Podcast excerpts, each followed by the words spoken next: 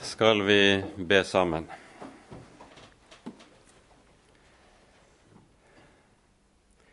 Kjære du vår Gud, du vår trofaste Herre og Far. Vi takker og lover deg at vi skal få komme inn for dine øyne igjen. Takk, Herre, at du har gitt oss ditt hellige ord. Takk, Herre, at i ordet ditt så møter du oss med alt det vi trenger. Alt vi trenger for livet her i verden. Alt vi trenger for at vi skal nå målet hjemme hos deg.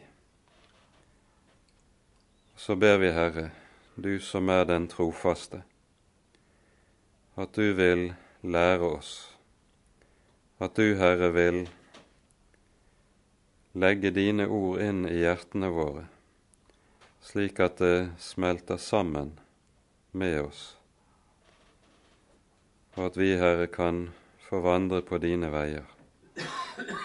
Fri oss, Herre, og frels oss du fra alt det som vil skille oss fra deg, og holde oss oppe inntil enden.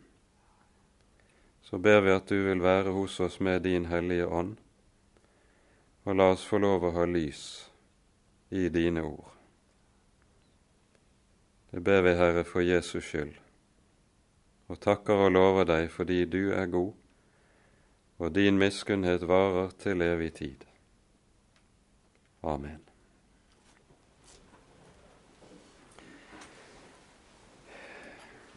Avsnittet vi altså begynner på i dag, det er det 21. kapittelet i Første Samuels bok. Og med dette begynner vi på beretningen om de egentlige trengselsårene i Davids liv. Etter at Første Samuels bok har berettet om seieren over Goliat i det 17. kapittel, og så hører vi deretter i det 18. kapittel om hvorledes Saul meget snart legger David for hat, så finner vi i disse kapitlene fra det 18. til det 20. kapittel hvorledes David likesom ikke får seg til å tro at Saul på ramme alvor vil ta ham av dage. Det synes som om David tenker i det lengste at dette er når Saul prøver å ramme ham, så er det mer uttrykk for eh, et øyeblikks stemning, det at han gripes av den onde ånd, som vi har hørt tale om tidligere i Første Samuels bok, og som altså er noe som glir over. Men i løpet av det vi hører, særlig i kapittel 20, så forstår David til slutt, ikke minst ved Jonathans hjelp, at når Saul ønsker livet av ham, så er dette noe som er blitt et fast forsett hos Saul. Og David har derfor bare én ting å gjøre å gi seg på flukt.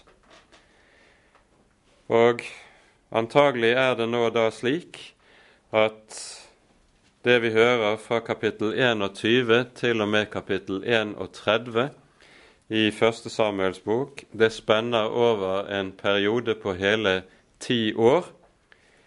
Ti år der David altså er på flukt i stadig fare for sitt eget liv.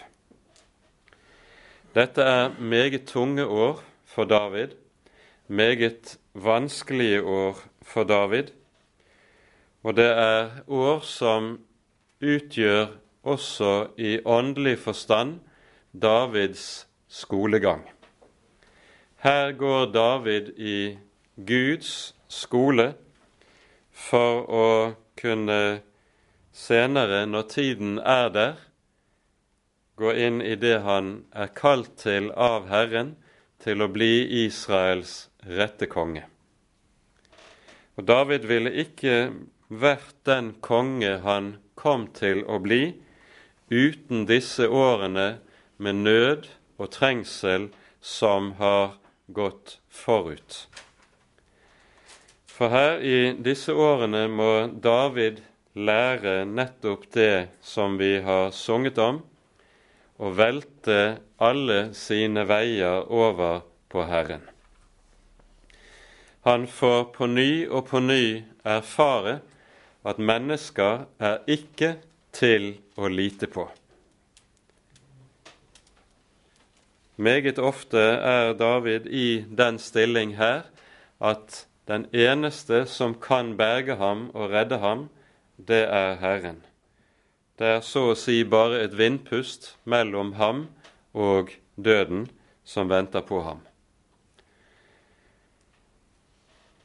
Når David nå flykter, så er det første han gjør, det er at han drar fra Sauls Gibea, som altså ligger midt inne i Benjamins stammeområde, eh, en ca.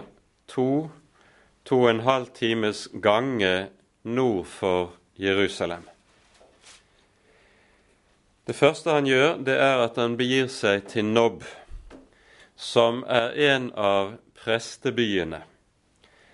Og vi hører at tabernaklet nå midlertidig også er flyttet dit, mens tabernaklet altså i hele dommertiden befant seg i Kilo, som lå enda et par timers gange nord for dette i, på grensen mot Efraims stammeområde så er tabernaklet nå flyttet til Nob, som var en av prestebyene, og som ligger ca. en times gange nord for eller nordvest for Jerusalem.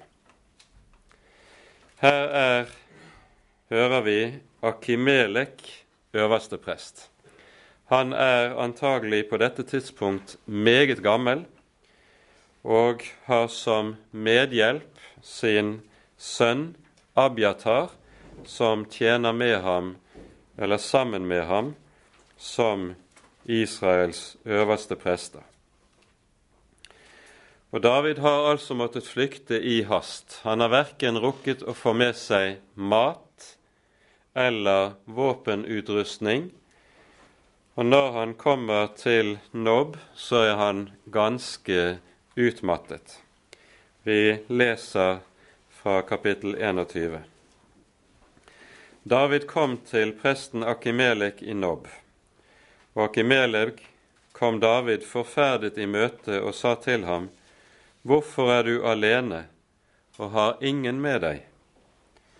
David svarte presten Akimelek, Kongen har gitt meg et ærend å utføre. Han sa til meg, Ingen må få vite noe om det ærend jeg sender deg i, og som jeg har gitt deg å utføre og mine menn har jeg satt stevne på det og det sted. Men hva har du nå ved hånden, la meg få fem brød, eller hva der finnes. Presten svarte David og sa, Jeg har intet alminnelig brød ved hånden, men hellig brød er her, bare mennene har holdt seg fra kvinner. David svarte presten og sa til ham, Ja visst, kvinner har vi ikke hatt leilighet til å være sammen med, verken i går eller i forgårs. Da jeg dro ut, var alt det mine menn hadde på seg, hellig, og vel er denne ferd ikke hellig, men i dag blir den hellig ved det de har på seg. Da ga presten ham hellig brød, for det var ikke annet brød der enn skuebrødene som var tatt bort fra Herrens åsyn, for at ferskt brød kunne legges i stedet samme dag som de ble tatt bort. Men den dag var det en av Sauls tjenere som holdt seg der inne for Herrens åsyn. Han hette Doeg og var fra Edom. Han var den øverste av Sauls hyrder. David sa til Akimelik, Har du ikke et spyd eller et sverd her ved hånden? For jeg har verken tatt mitt sverd eller mine andre våpen med meg, for det haster med kongens ærend. Presten svarte, filisteren Goliats sverd, han som du slo i hjel i Terebintedalen, det henger innsvøpt i et klede bak livkjortelen. Vil du ta det til deg, så ta det. det er ikke noe annet sverd her. David sa, det finnes ikke maken til det, gi meg det. Så brøt David opp og flyktet samme dag for Saul, og han kom til Akish, kongen i Gat. Her får vi altså et ganske kort glimt av hvor hastig David har måttet gi seg av sted. Ikke engang sin utrustning, sin vanlige rustning, har han fått med seg. Vi hører også, eller forstår av sammenhengen, at det er sabbat når David ankommer til helligdommen i Nob fordi det var hver sabbat at skuebrødene skulle byttes ut fra skuebrødsbordet som sto i det hellige i tempelet, eller i tabernaklet.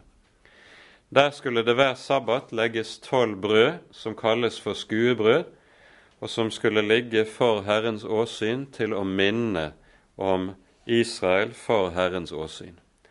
Og Disse brødene de skulle ligge fra sabbat til sabbat og så byttes ut, og skulle da spises samme dag som de ble tatt ut av helligdommen.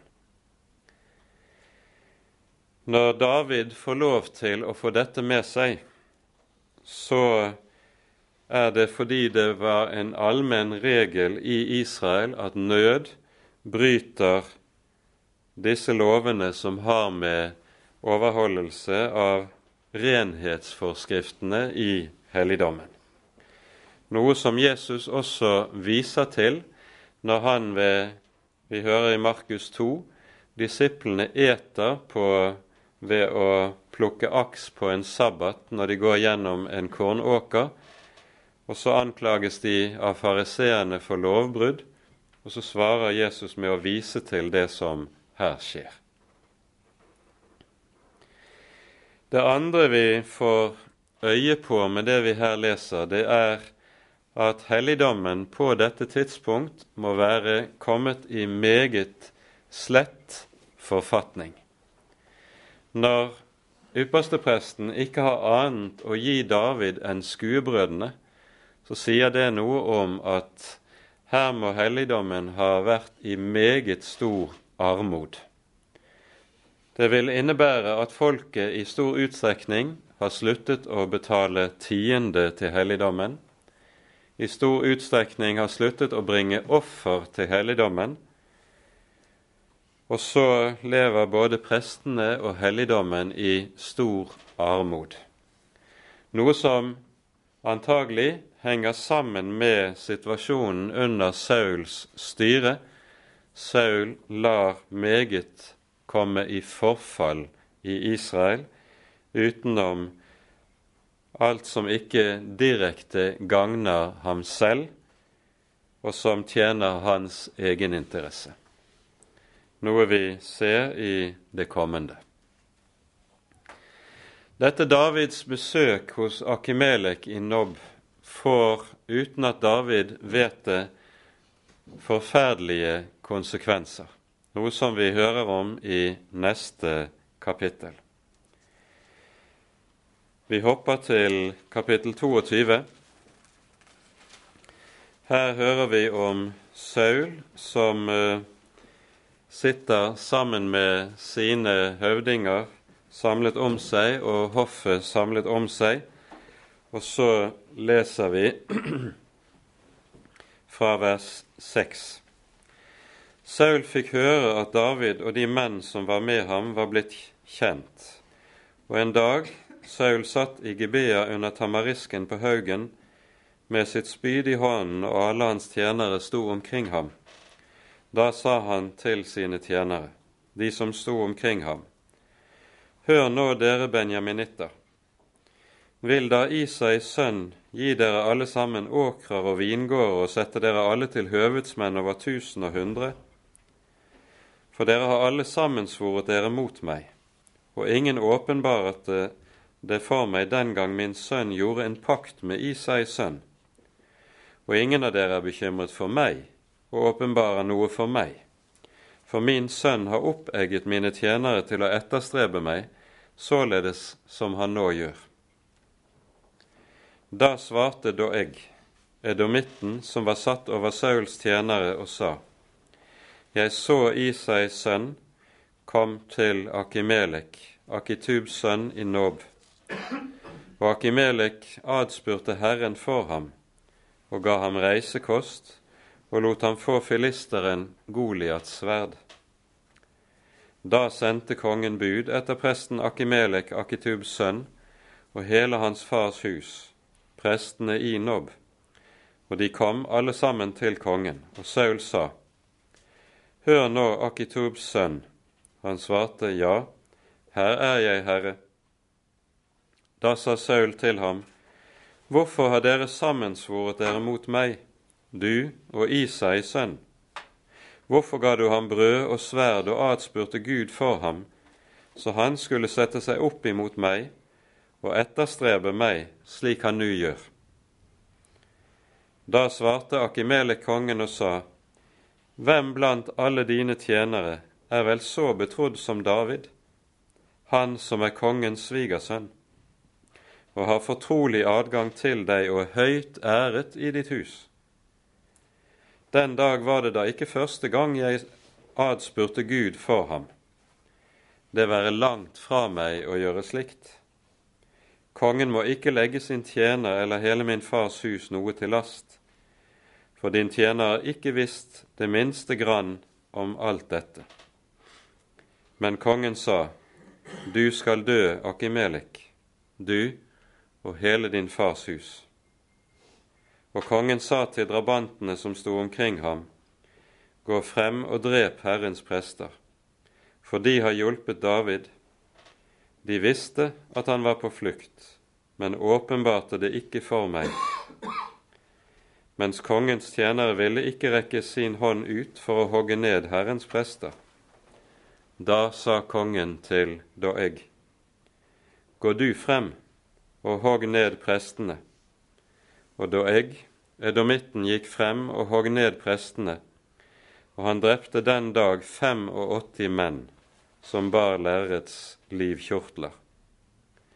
Og prestebyen Nob slo han med sverdets egg, både mann og kvinne, både barn og diebarn, både okse og asen og får slo han med sverdets egg. Bare én sønn av Akimelek, Akitobs sønn, slapp bort. Hans navn var Abiatar. Han flyktet til David og fulgte ham. Og Abiatar fortalte David at Saul hadde drept Herrens prester. Da sa David til Abiatar, Jeg visste allerede den dag at da jeg, edomitten, var der, og at han visselig ville si det til Saul. Jeg bærer skylden for alle de liv som er drept i din fars hus. Bli hos meg, vær ikke redd. Den som står meg etter livet, står nå også deg etter livet. Hos meg er du i sikkerhet. Det vi her nå ser hos Saul, er hvor langt Saul er villig til å gå i hatet sitt mot David. Og det kan eh, undre oss når vi ser at Saul er villig til å slå Herrens prester og hele prestebyen med dette i hjel.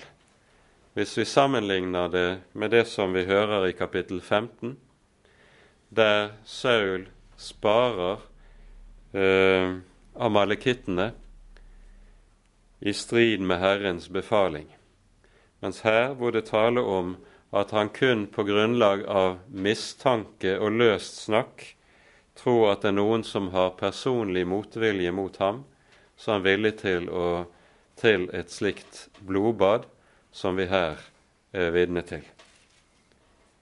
Dette sier både mye om Sauls person og hva som har skjedd med Saul i løpet av denne relativt korte tiden. Når det gjelder David oppi dette, så hører vi her at i denne perioden så dikter og skriver David flere helt sentrale salmer.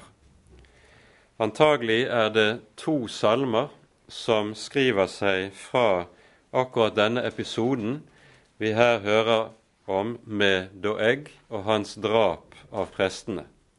Det er salme 7 og salme 52. Særlig salme 52 gir klart uttrykk for hva slags bedømmelse vi hører fra Herrens side når det gjelder Doeg og Doegs person. Vi leser fra vers 3 i Salme 52. Hvorfor roser du deg av ondskap, du veldige eller mektige? Guds miskunnhet varer hele dagen. På undergang tenker din tunge lik en vesset rakekniv, du som legger opp listige råd. Du elsker ondt i stedet for godt, løgn i stedet for å tale hva rett er. Du elsker hvert ord som volder ødeleggelse, du svikefulle tunge. Gud skal da også bryte deg ned for evig tid. Han skal gripe deg og rive deg ut av teltet og rykke deg opp av de levendes land. Og de rettferdige skal se det og frykte, og de skal le av ham. De skal si:" Se, der er den mann som ikke holdt Gud for sitt sterke vern, men satte sin lit til sin store rikdom og satte sin styrke i sin ondskap. Her hører vi altså bedømmelsen av Doeg, og dette er en Guds bedømmelse av ham. I Salme 7 så hører vi et spesielt uttrykk som uh, dukker opp kun et par plasser i Bibelen. Det sies nemlig i innledningen en shigayon. Det vet vi ikke hva er. Det er mulig at det er betegnelsen på en særegen melodi på salmen. Men det er altså en shigayon av David som han sang for Herren på grunn av benjaminitten Kushs ord. Og dette er et underlig uttrykk, for kush det er i Bibelen betegnelse på en etioper, altså en som er helt sort i huden. Men det er ingen etioper som er født i Benjamins stamme. Ingen med svart hud som er født i Benjamins stamme. Og Derfor utlegger rabbinerne dette slik at en som kalles for Kush, det er et menneske som like som etioperen ved sin hudfarge skiller seg fra andre mennesker, så brukes det som betegnelse på et menneske som skiller seg fra andre på et særlig måte. Og Her kalles da Saul for en kush på grunn av sin ondskap, nemlig at han dreper eller myrder Herrens prester. Han kalles Kush fordi han skiller seg fra alle andre i Israel ved at han også er ett hode høyere enn alle i Israel, slik som vi hører det. Den samme type utleggelse finner vi hos rabbinerne også i 4. Moseboks tolvte kapittel. Der hører vi at Moses' søsken Miriam og Aron baktaler Moses på grunn av hans hustru, som var Kush. Altså at hun var en etiopisk hustru, står det oversatt i våre bibler. Rabbinerne leser dette annerledes. Det er tar, fortsatt tale om Sippora, som vi hører Moses vies til i 2. Mosebok kapittel 2. Men hun kalles Kush, for hun er utmerker seg fremfor alle andre kvinner pga. sin særlige skjønnhet. Kush er altså en betegnelse som brukes om mennesker som skiller seg ut på en særlig måte. Og Dette er altså den jødiske utleggelse av disse tekstene i denne sammenheng. Og det er ikke umulig at rabbinerne slik har rett i dette. For vi hører ikke om i Mosebøkene at Moses hadde flere hustruer. Han hadde bare én hustru, Sipora. Nok får det være om dette. I denne, dette avsnittet som vi her er inne i, så hører vi også om et par andre ting. For det første, i slutten av kapittel 21, så hører vi David flykte til filistrene i byen Gat. Dette er antagelig noe som de fleste vil oppfatte som et fornuftig tiltak. Saul var filistrenes svorne fiende, og når David blir regnet som Sauls fiende, så tenker David, og antagelig mange med ham, at da vil han kunne regne med beskyttelse blant filistrene. Så er ikke tilfellet. I stedet griper filistrenes høvdinger David når han kommer til Gat. De kjenner han igjen som den som beseiret Goliat. Og David slipper bare med nød og neppe unna Eh, med livet i behold ved å spille vanvittig. Han eh, går omkring og skriker høyt, banker på dørene med begge hender og lar sikkel og spytt renne ned i skjegget, og så oppfattes han som vanvittig, og kongen sier, 'Send ham fra meg, er det ikke nok av vanvidd i denne byen, om vi skal plages med en slik i tillegg?' To salmer i Salmenes bok skriver seg fra denne begivenhet. Det er Salme 56 og Salme 34. Salme 56 er antagelig blitt til som en bønn av David mens han var fange under filistrenes høvdinger. Salme 34 etter at han var sluppet unna. Og Salme 34 bærer i seg den roen som gir seg av at en er sluppet fri. Salme 56 er en helt særegen salme, eh, som er nyttig å komme tilbake til. Den innledes slik Vær meg nådig Gud for mennesker vil oppsluke meg. Hele dagen trenger de meg med krig. Mine fiender søker å oppsluke meg hele dagen, for mange er de som strir mot meg i overmot.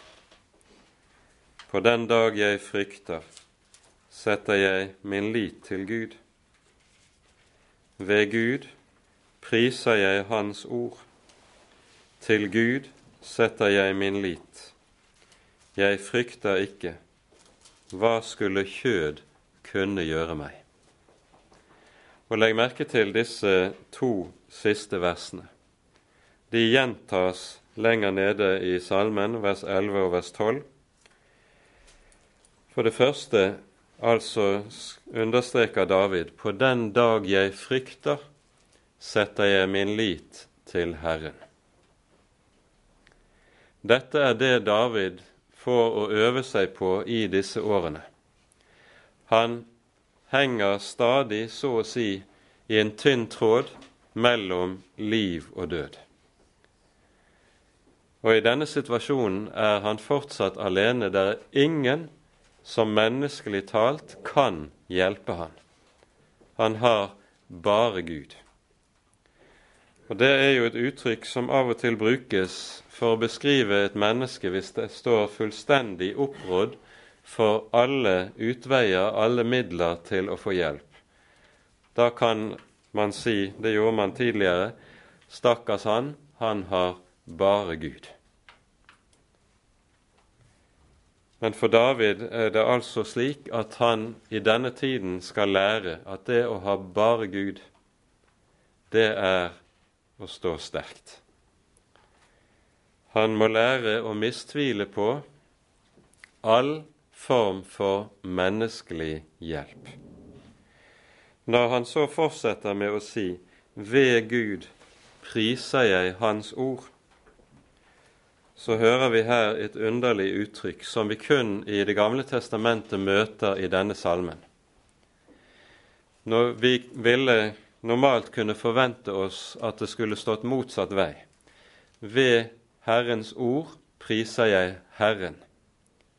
Men det er her altså motsatt. Ved Gud priser jeg Ordet. Dette gjentas altså i vers 11 to ganger. Og Det David altså gjør, det er at han nærmest tilber og lovpriser Guds ord på samme måte som Gud selv tilbes og lovprises ellers i Bibelen. Hvorfor gjør David det?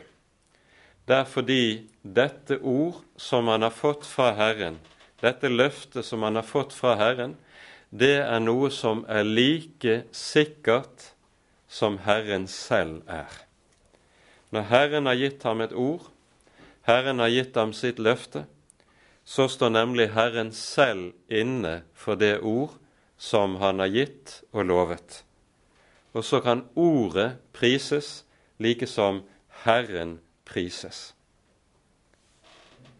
Det tredje vi legger merke til, er det David sier. Til Gud setter jeg min lit, jeg frykter ikke. Hva skulle kjød kunne gjøre meg?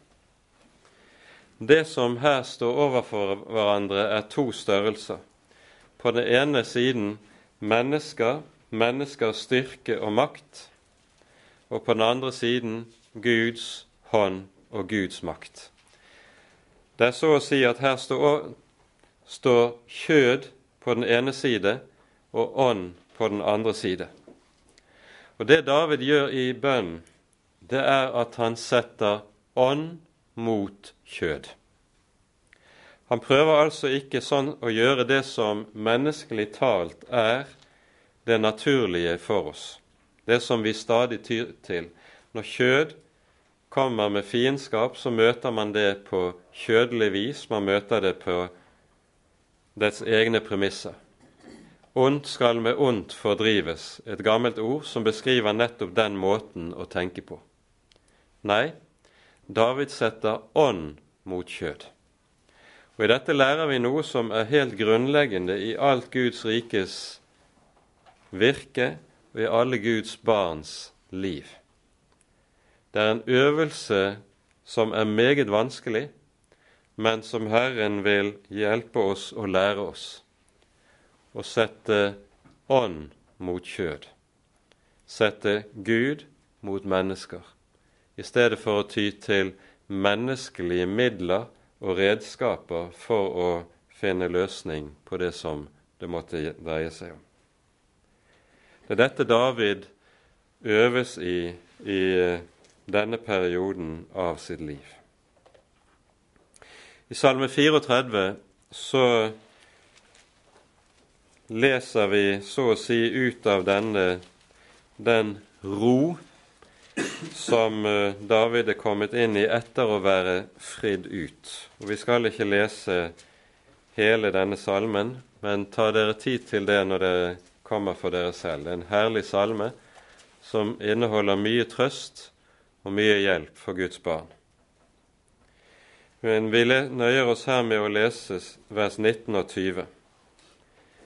Herren er nær hos dem som har et sønderbrutt hjerte han frelser dem som har en sønderknust ånd. Mange er den rettferdiges ulykker, men Herren utfrir ham av dem alle.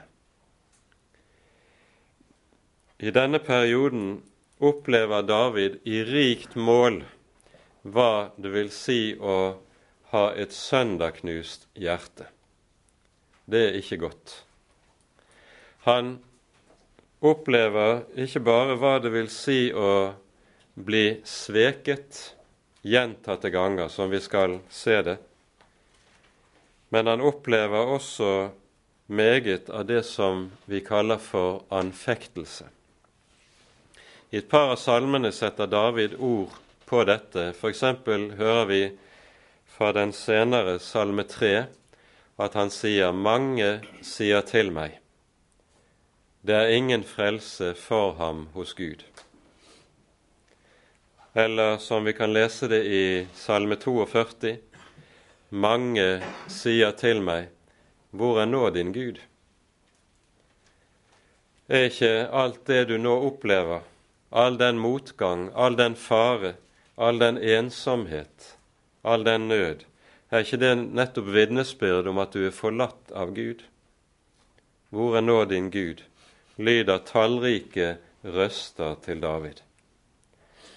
Og Det er noe av den anfektelse som David er oppe i i disse årene. Hvor er nå din Gud? Dette er noe av det som heter å ha et søndagknust hjerte. Og Så hører vi David også i dette skriver noe som er vel verd å notere seg. Mange er den rettferdiges ulykker. Med det så peker David på dette at det slett ikke er sånn som vi ofte kan få høre det i våre dager fra disse retninger som representerer herlighetsteologien, at medgang, det å lykkes på alle områder, det er tegn på at Gud er med. Og motsatt, det å oppleve motgang og trengsel, det er tegn på at Gud ikke er med. Nei, David opplever tvert om meget tydelig det som vi her hører. Mange er den rettferdiges ulykker. Men Herren utfrir ham av dem alle. Han får oppleve at Herren midt oppe i nød og trengsel er der, holder ham oppe, tar seg av ham. Dette er uhyre viktige sannheter å ta vare på, ikke minst i våre dager, hvor det lyder den typen røster som vi bare kort har nevnt her, og som er en stadig fristelse for Guds barn å tenke når vi opplever særlig vanskelige ting. Hvor er Gud nå? Men nød er aldri tegn på at Herren er borte. Det skal vi merke oss. Det er helt avgjørende etter Guds ord å være oppmerksom på. Etter at da Vi vender nå tilbake til kapittel 22 i første Samuels bok.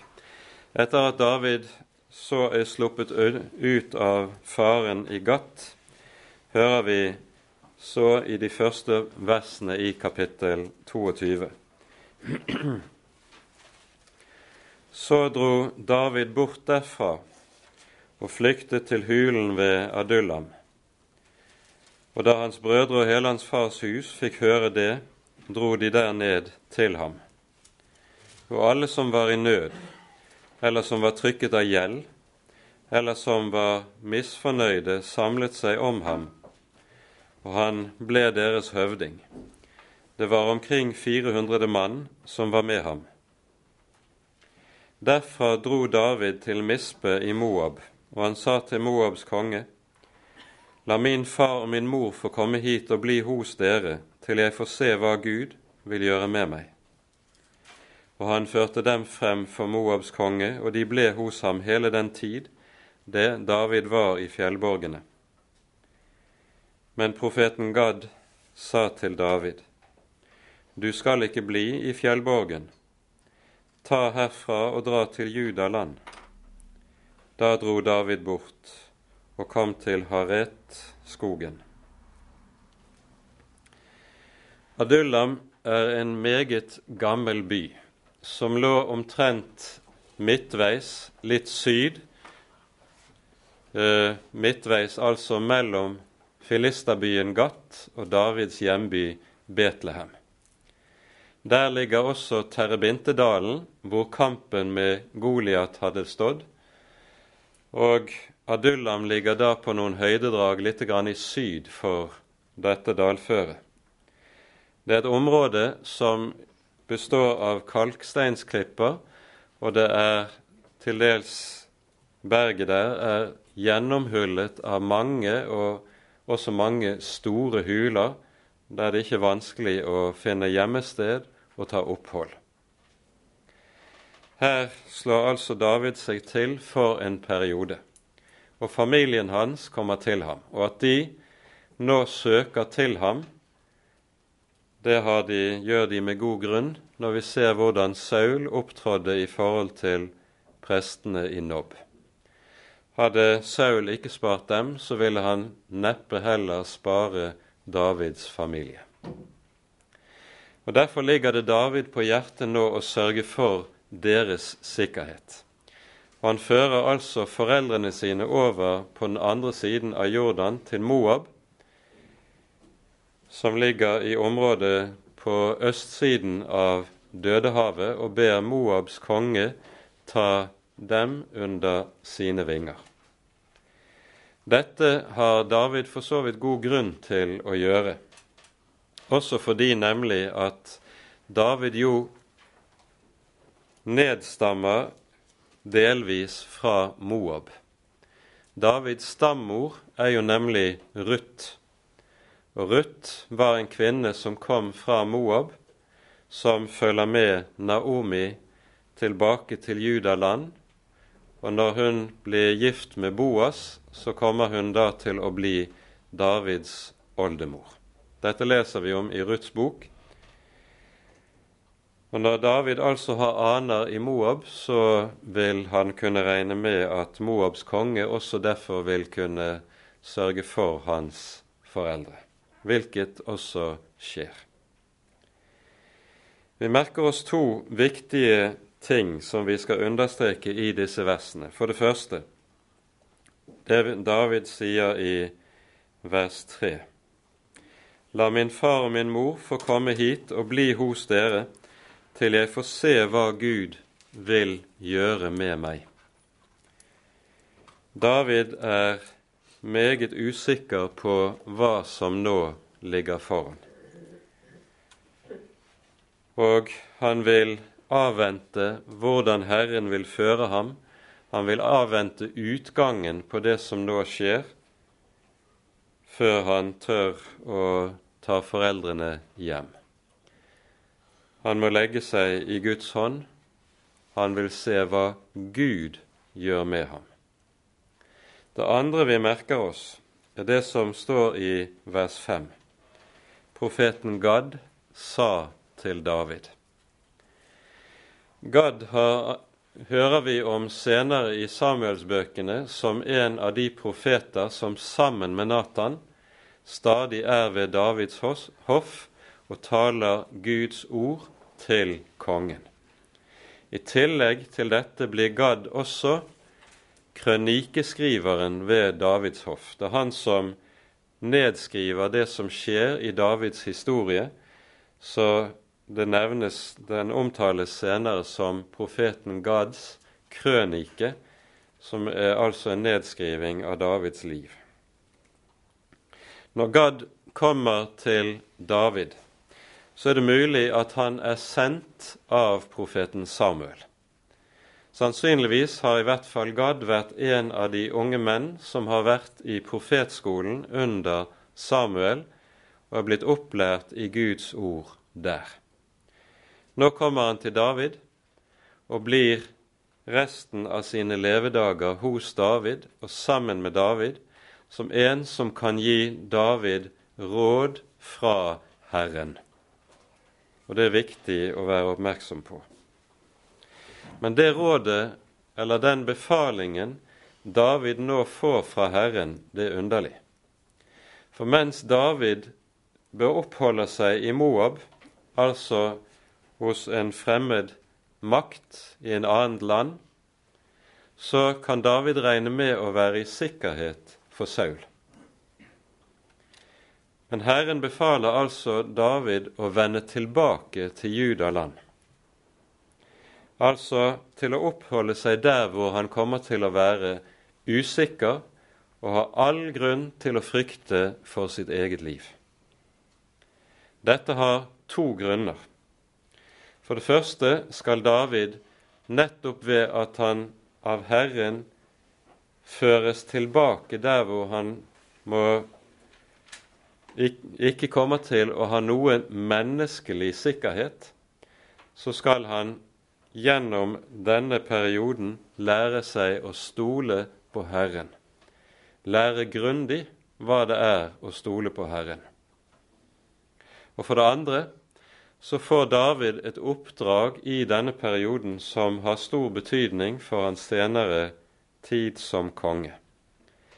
Fordi Saul har lagt David for hat, som han har gjort det, så bruker Saul stadig mer av sin tid.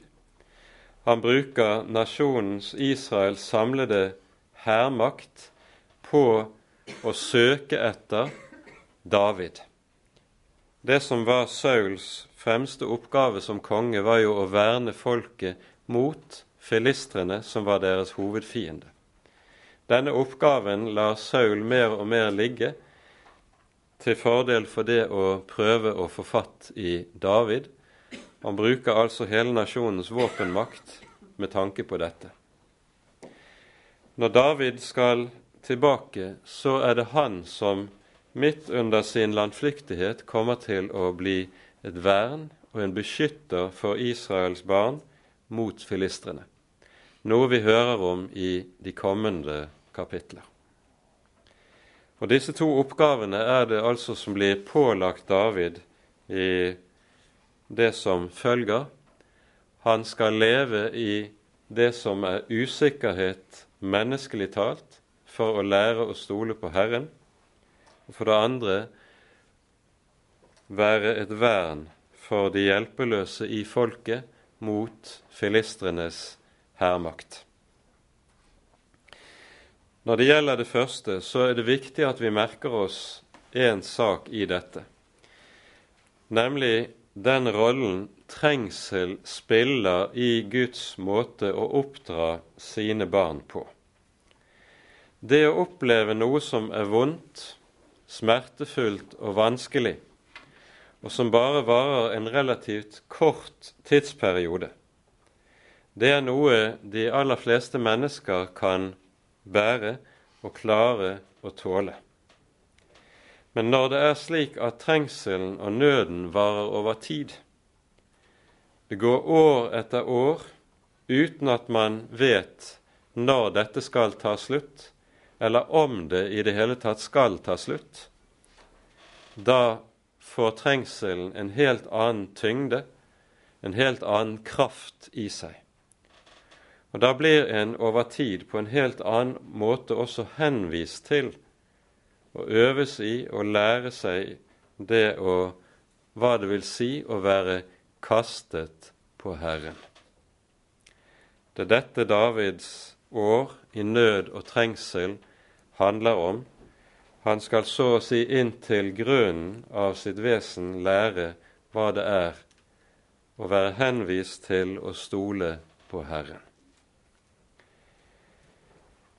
Her er det ordene vi hører i Hebreabrevets tolvte kapittel, når det taler om hvordan Herren bruker sin tukt i sin oppdragelse av sine barn, kommer til sin rett. Og her er David i høy grad et av Bibelens aller viktigste forbilder på hvordan Herren nettopp bruker trengsel og nød i dannelsen og formingen av sine barn.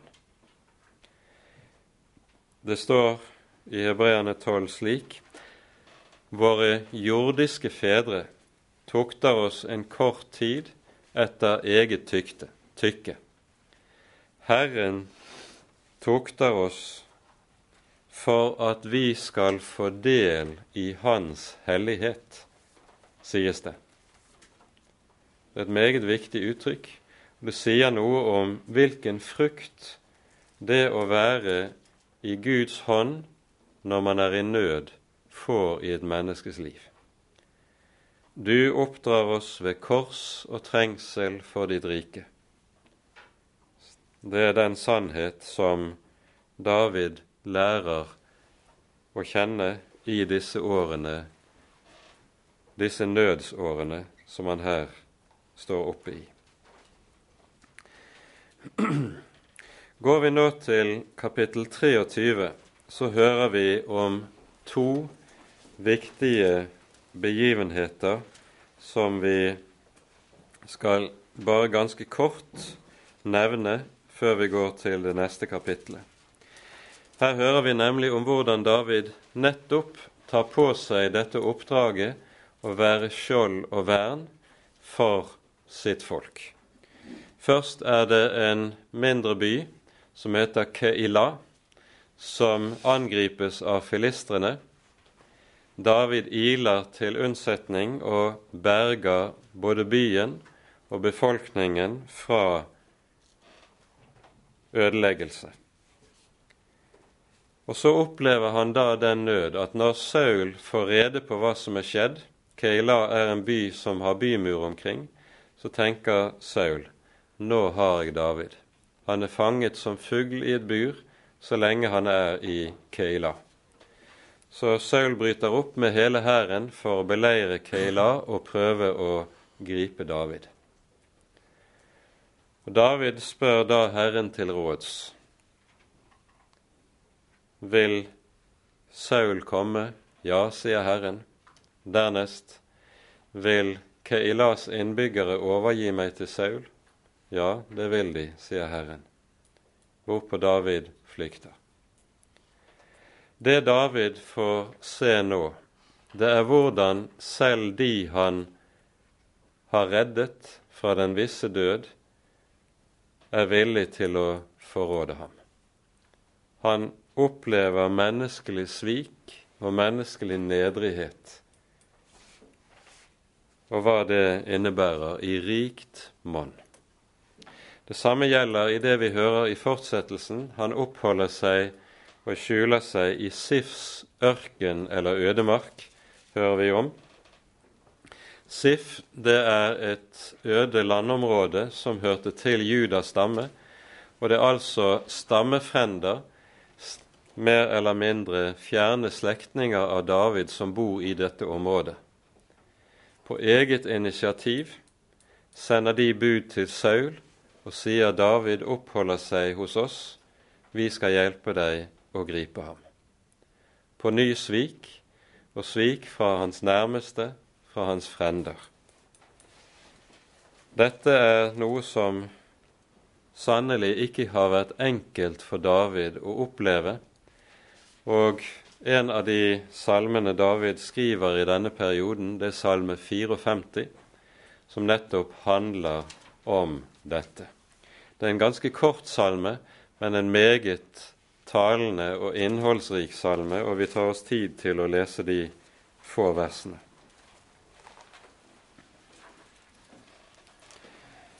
Til sangmesteren med strengelek, en læresalme av David, da sifittene kom og sa til Saul, David holder seg skjult hos oss. Gud, Frels meg ved ditt navn. Hjelp meg til min rett ved din kraft.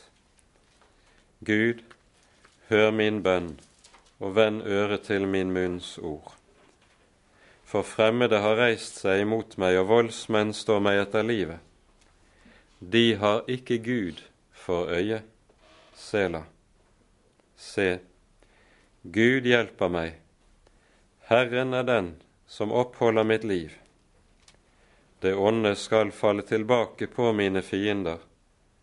Utrydd dem i din trofasthet.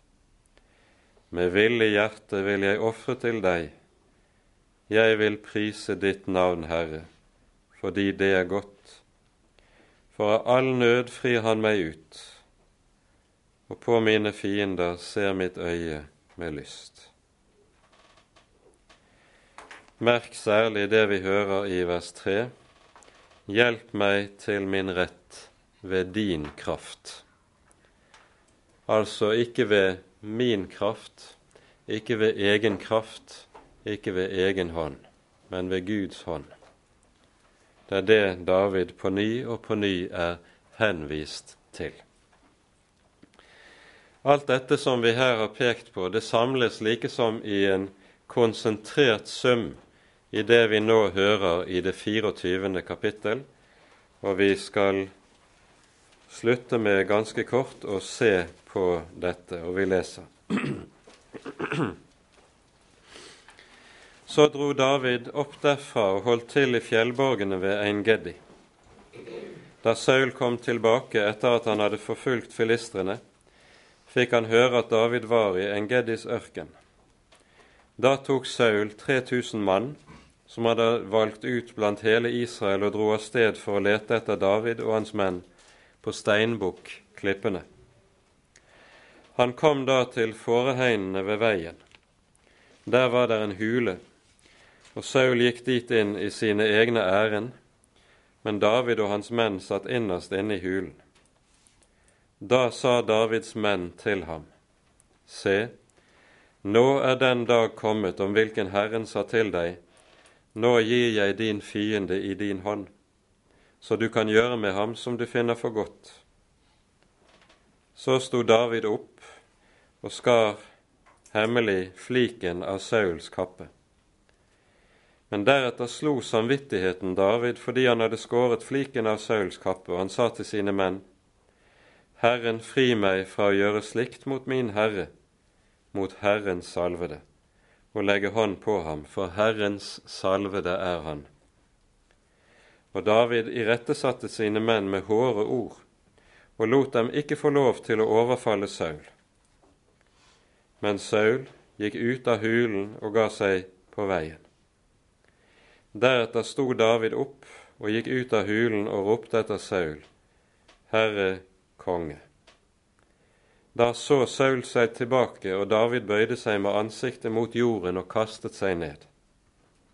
Og David sa til Saul, Hvorfor hører du på folk som sier også er flyttet dit, mens tabernaklet altså i hele dommertiden befant seg i Kilo, som lå enda et par timers gange nord for dette i, på grensen mot Efraims stammeområde, så er tabernaklet nå flyttet til Nob, som var en av prestebyene, og som ligger ca. en times gange nord for eller nordvest for Jerusalem. Her er, hører vi, Akimelek, øverste prest.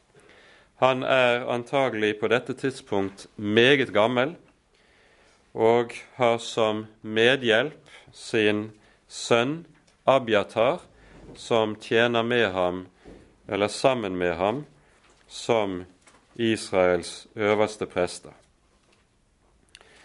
Og David har altså måttet flykte i hast. Han har verken rukket å få med seg mat eller våpenutrustning og når han kommer til Nob, så er han ganske utmattet.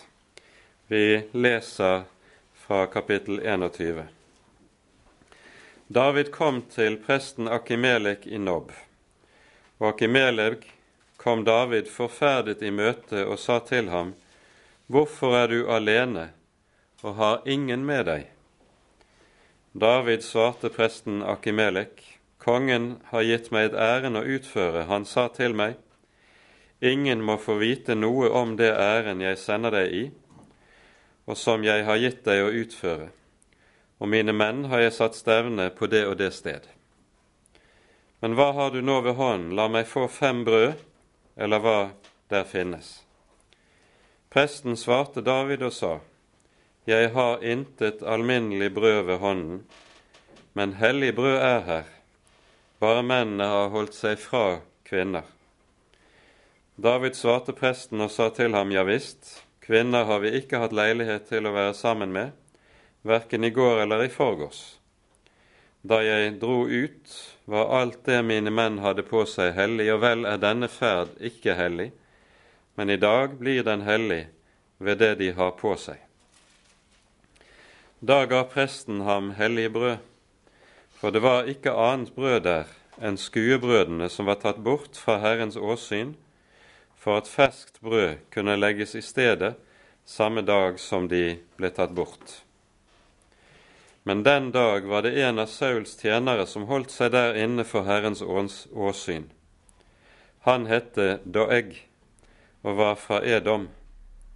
Han var den øverste av Sauls hyrder. David sa til Akimelik, Har du ikke et spyd eller et sverd her ved hånden? For jeg har verken tatt mitt sverd eller mine andre våpen med meg, for det haster med kongens ærend. Presten svarte, Filisteren Goliats sverd, han som du slo i hjel i Terrebintedalen, det henger innsvøpt i et klede bak livkjortelen. Vil du ta det til deg, så ta det. Det er ikke noe annet sverd her. David sa, Det finnes ikke maken til det, gi meg det. Så brøt David opp og flyktet samme dag for Saul, og han kom til Akish kongen i Gat. Her får vi altså et ganske kort glimt av hvor hastig David har måttet gi seg av sted. Ikke engang sin utrustning, sin vanlige rustning, har han fått med seg. Vi hører også, eller forstår av sammenhengen, at det er sabbat når David ankommer til helligdommen i Nob. Fordi det var hver sabbat at skuebrødene skulle byttes ut fra skuebrødsbordet som sto i det hellige i tempelet, eller i tabernaklet. Der skulle det hver sabbat legges tolv brød som kalles for skuebrød, og som skulle ligge for Herrens åsyn til å minne om Israel for Herrens åsyn.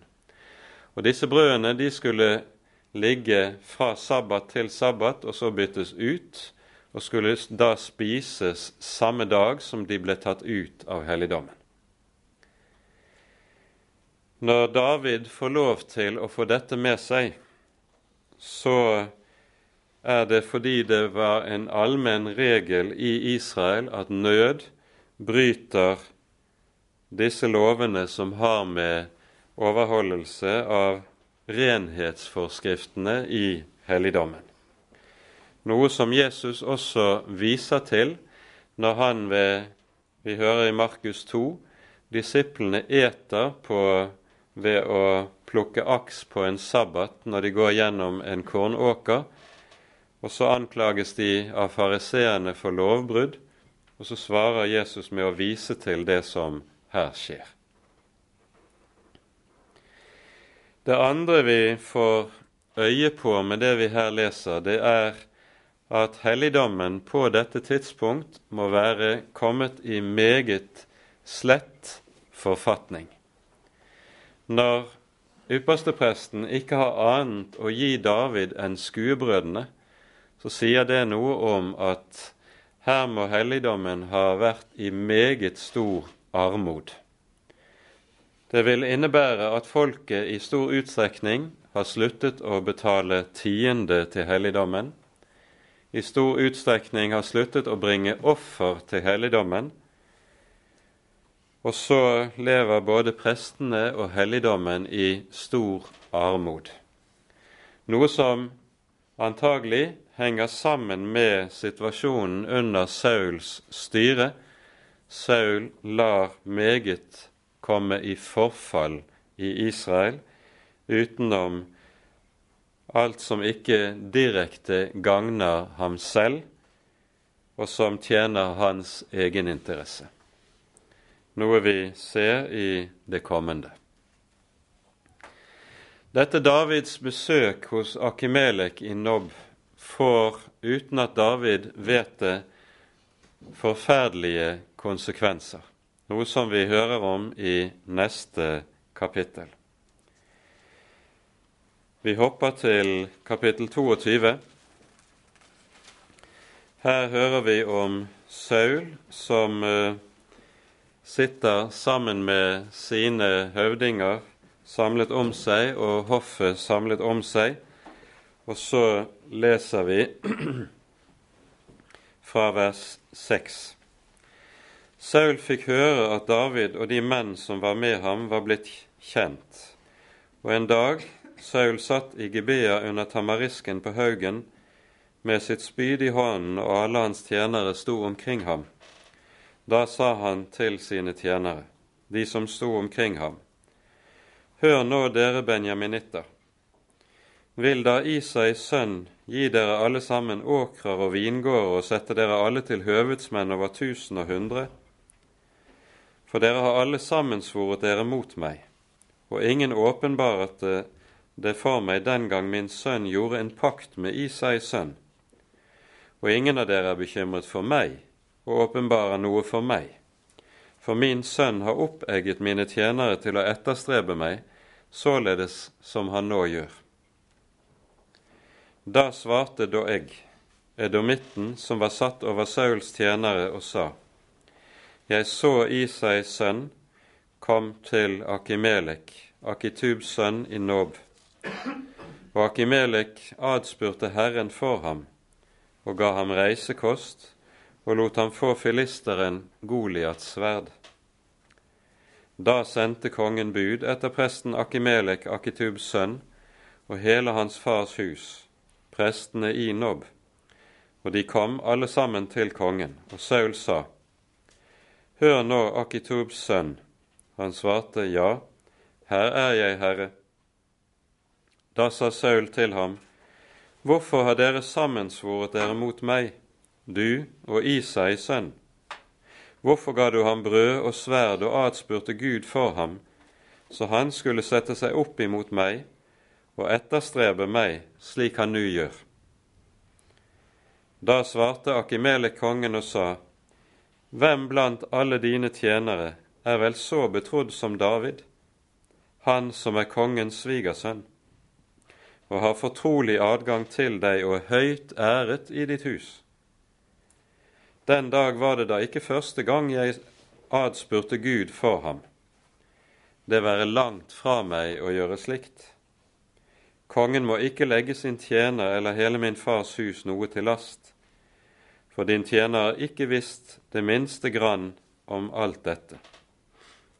Men kongen sa, Du skal dø, Akimelik, du og hele din fars hus. Og kongen sa til drabantene som sto omkring ham, Gå frem og drep Herrens prester, for de har hjulpet David. De visste at han var på flukt, men åpenbarte det ikke for meg. Mens kongens tjenere ville ikke rekke sin hånd ut for å hogge ned Herrens prester. Da sa kongen til Doeg, Gå du frem og hogg ned prestene. Og Doeg Edomitten gikk frem og hogg ned prestene, og han drepte den dag 85 menn som bar lærerets livkjortler. Og prestebyen Nob slo han med sverdets egg, både mann og kvinne, både barn og diebarn, både okse og asen og får slo han med sverdets egg. Bare én sønn av Akimelek, Akitobs sønn, slapp bort hans navn var Abiatar. Han flyktet til David og fulgte ham. Og Abiatar fortalte David at Saul hadde drept Herrens prester. Da sa David til Abiatar, Jeg visste allerede den dag at da jeg, edomitten, var der, og at han visselig ville si det til Saul. Jeg bærer skylden for alle de liv som er drept i din fars hus. Bli hos meg, vær ikke redd. Den som står meg etter livet, står nå også deg etter livet. Hos meg er du i sikkerhet. Det vi her nå ser hos Saul, er hvor langt Saul er villig til å gå i hatet sitt mot David. Og det kan eh, undre oss når vi ser at Saul er villig til å slå Herrens prester og hele prestebyen med dette i hjel. Hvis vi sammenligner det med det som vi hører i kapittel 15, der Saul sparer eh, amalekittene i strid med Herrens befaling, mens her hvor det taler om at han kun på grunnlag av mistanke og løst snakk tror at det er noen som har personlig motvilje mot ham, så er han villig til, å, til et slikt blodbad som vi her er vitne til. Dette sier både mye om Sauls person og hva som har skjedd med Saul i løpet av denne relativt korte tiden. Når det gjelder David oppi dette, så hører vi her at i denne perioden så dikter og skriver David flere helt sentrale salmer. Antagelig er det to salmer som skriver seg fra akkurat denne episoden vi her hører om med Doeg og hans drap av prestene. Det er salme 7 og salme 52. Særlig salme 52 gir klart uttrykk for hva slags bedømmelse vi hører fra Herrens side når det gjelder Doeg og Doegs person. Vi leser fra vers 3 i Salme 52. Hvorfor roser du deg av ondskap, du veldige eller mektige? Guds miskunnhet varer hele dagen. På undergang tenker din tunge lik en vesset rakekniv, du som legger opp listige råd. Du elsker ondt i stedet for godt, løgn i stedet for å tale hva rett er. Du elsker hvert ord som volder ødeleggelse, du svikefulle tunge. Gud skal da også bryte deg ned for evig tid. Han skal gripe deg og rive deg ut av teltet og rykke deg opp av de levendes land. Og de rettferdige skal se det og frykte, og de skal le av ham. De skal si, Se, der er den mann som ikke holdt Gud for sitt sterke vern, men satte sin lit til sin store rikdom og satte sin styrke i sin ondskap. Her hører vi altså bedømmelsen av Doeg, og dette er en Guds bedømmelse av ham. I Salme 7 så hører vi et spesielt uttrykk som uh, dukker opp kun et par plasser i Bibelen. Det sies nemlig i innledningen en shigayon, det vet vi ikke hva er. Det er mulig at betegnelsen